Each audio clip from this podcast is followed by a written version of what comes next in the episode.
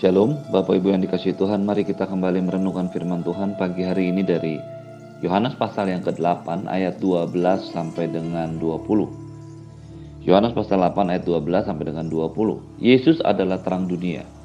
Maka Yesus berkata pula kepada orang banyak, katanya, Akulah terang dunia. Barang siapa mengikut aku, ia tidak akan berjalan dalam kegelapan, melainkan ia akan mempunyai terang hidup. Kata orang-orang Farisi kepadanya, "Engkau bersaksi tentang dirimu sendiri. Kesaksianmu itu tidak benar." Jawab Yesus kepada mereka, katanya, "Biarpun aku bersaksi tentang diriku sendiri, namun kesaksianku itu benar. Sebab aku tahu dari mana aku datang dan ke mana aku pergi. Tapi kamu tidak tahu dari mana aku datang dan ke mana aku pergi.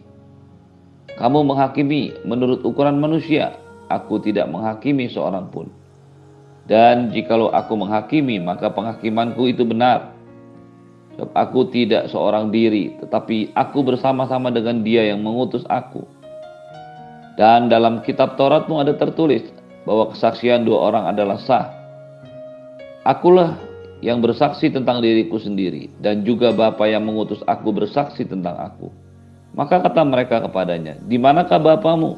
Jawab Yesus, baik aku maupun Bapakku tidak kamu kenal. Jikalau sekiranya kamu mengenal aku, kamu mengenal juga Bapakku. Kata-kata itu dikatakan Yesus dekat perbendaharaan waktu ia mengajar di dalam bait Allah. Dan tidak seorang pun yang menangkap dia karena saatnya belum tiba.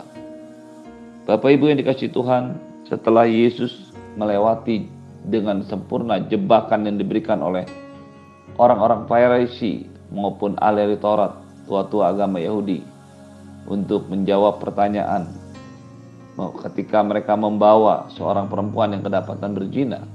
Lalu Tuhan Yesus melanjutkan pengajarannya dengan menyatakan siapa dirinya.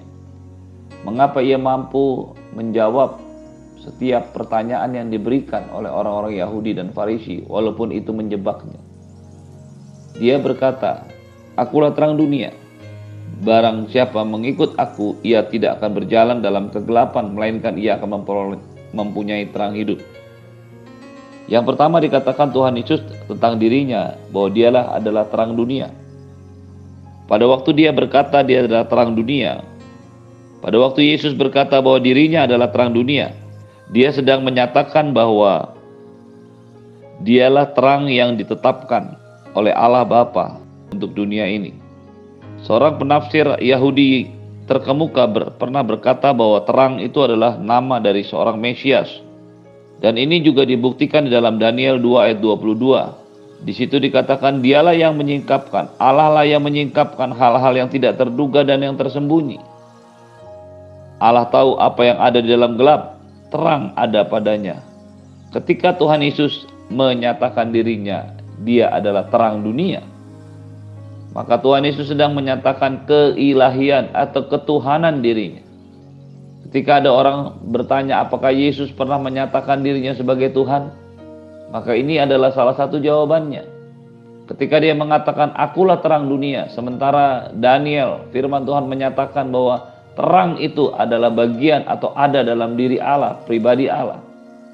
Maka Yesus sedang menyatakan dirinya sebagai Tuhan. Yesus sedang menyatakan dirinya menyatakan keilahiannya.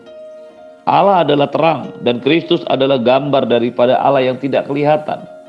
Allah yang tidak Allah Bapa yang tidak nampak terlihat oleh mata jasmani dibuat menjadi nyata oleh kehadiran Yesus sebagai terang. Kata terang itu berasal dari bahasa Yunani pos.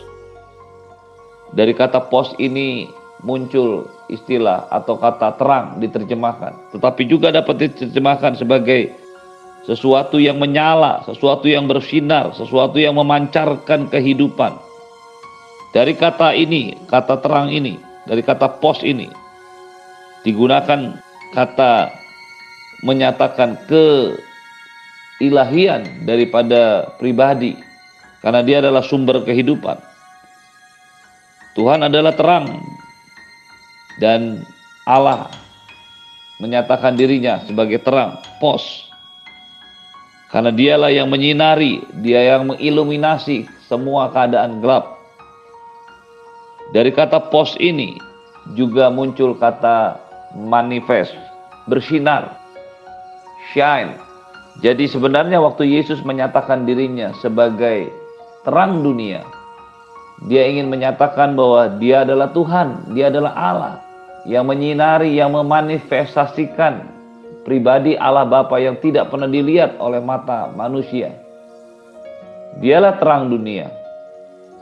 Yang kedua, Tuhan Yesus ingin menyatakan bahwa barang siapa mengikuti dia, dia tidak akan berjalan dalam kegelapan. Barang siapa yang mengikuti Yesus, dia tidak akan berjalan dalam kegelapan. Mengapa tidak akan berjalan dalam kegelapan? Karena Yesus tidak pernah berjalan dalam kegelapan. Dialah terang yang menyinari dunia. Dialah terang yang menyinari kegelapan dunia. Dan setiap orang yang mengikut dia, setiap orang percaya, setiap orang mengaku Kristen, dia berjalan mengikuti Yesus, dia tidak mungkin lagi berjalan dalam terang. Ini merupakan penegasan dari kalimat yang dia katakan pada perempuan yang kedapatan berzina. Dengan tegas dia berkata, Aku tidak menghukum engkau. Aku mengasihi engkau dengan kasih karunia. Pergilah, tetapi jangan berbuat dosa lagi mulai dari sekarang. Ketika wanita itu mengalami kasih Tuhan, tidak mengalami penghukuman Tuhan, yang merupakan kasih karunia Tuhan, Wanita itu akan menerima pengampunan ketika dia datang kepada Tuhan. Tapi perhatikan baik-baik apa yang dia katakan sesudahnya. Pergilah dan dari sekarang jangan berbuat dosa lagi. Ketika wanita itu menerima kasih karunia keselamatan anugerah Tuhan, dia tetap harus mengambil respon untuk mengikut Tuhan. Dan ketika dia mengambil sikap, mengambil respon untuk mengikut Tuhan, maka dia tidak boleh atau tidak bisa lagi berjalan di dalam kegelapan. Dia tidak bisa berjalan dalam dosa lagi. Inilah yang dimaksudkan oleh Tuhan Yesus. Ketika dia menjelaskan, barang siapa mengikut aku, ia tidak akan berjalan dalam kegelapan. Ini adalah kata-kata pada peristiwa yang sama. Ketika Yesus dihadapkan oleh orang-orang Farisi, ahli Taurat, dan pemuka agama. Ketika ia dibawa, ketika seorang wanita yang kedapatan berbuat zina dibawa kepadanya Yesus langsung melanjutkan pengajarannya dan mengatakan, Akulah terang dunia. Dan barang siapa mengikut aku, ia tidak akan berjalan dalam kegelapan. Penting untuk Anda dan saya sadari, keselamatan anugerah kasih karunia yang Tuhan berikan kepada Anda dan saya.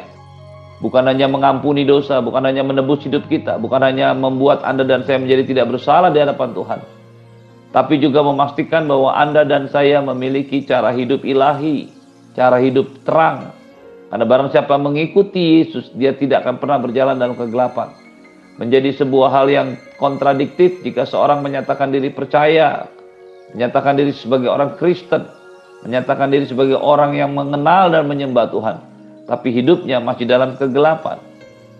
Menerima kasih karunia keselamatan dari Tuhan, tidak dihukum, menjadi satu paket bagian ikatan yang tidak pernah terlepaskan dari merubah cara hidup karena pada saat Anda dan saya menerima keselamatan, anugerah dan kasih karunia dari Tuhan, maka Anda dan saya harus mengikuti Dia. Dan barang siapa mengikut Dia, dia tidak lagi boleh berjalan dalam kegelapan. Dia tidak boleh lagi tinggal dalam dosanya. Dia tidak boleh tinggal lagi dalam kegelapannya. Dia tidak boleh tinggal lagi dalam kebiasaan-kebiasaan buruknya. Memang tidak seketika semuanya berubah. Tetapi proses mengikut Tuhan menjadi sebuah bagian dari proses memindahkan kehidupan kita dari gelap kepada terang. Tentu saja bukan berarti bahwa hal inilah yang membawa kita selamat. Keselamatan 100% adalah kasih karunia dan anugerah Tuhan. Tetapi hidup sesuai dengan keselamatan merupakan bagian dari proses di mana Anda dan saya mengikut Dia. Mengapa Anda dan saya, mengapa orang-orang Kristen, mengapa orang yang mengikut Dia tidak lagi berjalan dalam kegelapan? Alkitab berkata, Tuhan Yesus berkata karena dia mempunyai terang hidup. Kata terang hidup berasal dari bahasa Yunani, post zoe. Post zoe menunjukkan bahwa kehidupan yang memiliki standar terang, kehidupan yang disinari oleh Tuhan, kehidupan yang menyatakan kemuliaan Tuhan, kehidupan yang menyatakan cahaya, kualitas hidup yang mengubah kegelapan. Setiap orang percaya, setiap orang yang mengenal Yesus, setiap orang yang mengikuti Yesus, dia pasti mengenal Dia yang adalah sumber atau terang dunia itu. Dan ketika dia memiliki Yesus, maka dia memiliki terang hidup. Dia memiliki petunjuk untuk hidup dengan cara yang benar. Dia memiliki cara untuk hidup sesuai dengan terang kemuliaan Tuhan. Inilah yang ditegaskan oleh Tuhan Yesus ketika ia berkata kepada orang-orang Farisi. Orang-orang Farisi itu berkata, engkau bersaksi tentang dirimu sendiri, kesaksianmu tidak benar. Tetapi Tuhan berkata, kesaksian Yesus, kesaksian dirinya adalah sah. Pertama, karena dia tahu dari mana dia berasal dan ke mana dia akan berakhir. Dialah Aleph Taf, dialah Allah pencipta segala sesuatu, awal dan akhir.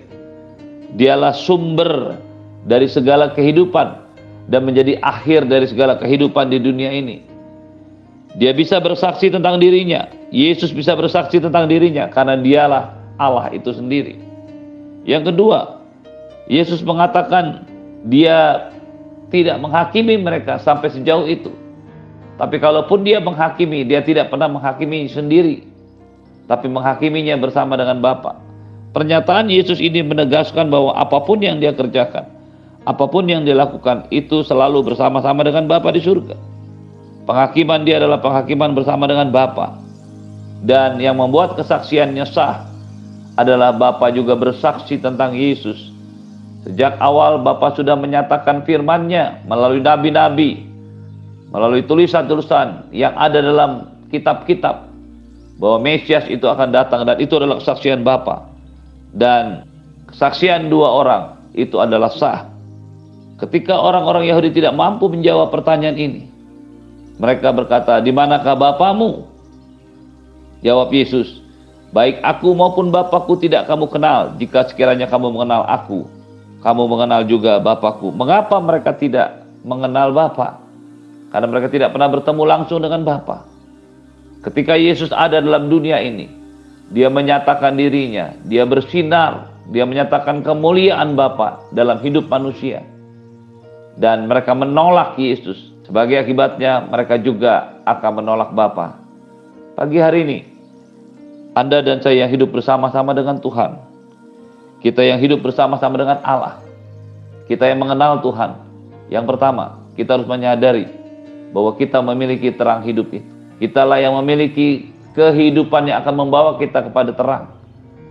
Kita juga memiliki terang yang membawa kita, hidup kita benar. Pastikan Anda dan saya terus mengikuti Tuhan, mengikuti Dia. Karena saat kita berjalan mengikuti Dia, kegelapan tidak akan pernah menguasai kita. Dan kita akan meninggalkan kegelapan. Berikutnya, ketika Anda dan saya semakin hari semakin mengenal Yesus sebagai Tuhan, maka hal yang sama juga kita akan semakin hari semakin, semakin mengenal Bapa. Kehidupan Zoe, standar hidup Yesus yang ada dalam diri kita, yang akan membawa kita hari demi hari terus mengenal Tuhan, terus mengikut Tuhan. Dialah terang dunia. Anda dan saya memiliki terang hidup itu. Terimalah berkat yang berlimpah-limpah dari Bapa di surga, cinta kasih dari Tuhan Yesus, penyertaan yang sempurna dari Roh Kudus. Menyertai hidupmu hari ini dan sampai selama-lamanya. Di dalam nama Tuhan Yesus, tidak ada sakit, penyakit, virus, bakteri apa pun yang menyentuh engkau. Varian terbaru dari COVID pun tidak akan pernah menyentuh engkau. Sebaliknya berkat daripada Allah Bapa menyinari engkau membuat engkau melihat kemuliaan Allah hari demi hari. Di dalam nama Yesus semua yang percaya katakan amin. Shalom, selamat pagi, Tuhan Yesus memberkati. Selamat beraktivitas.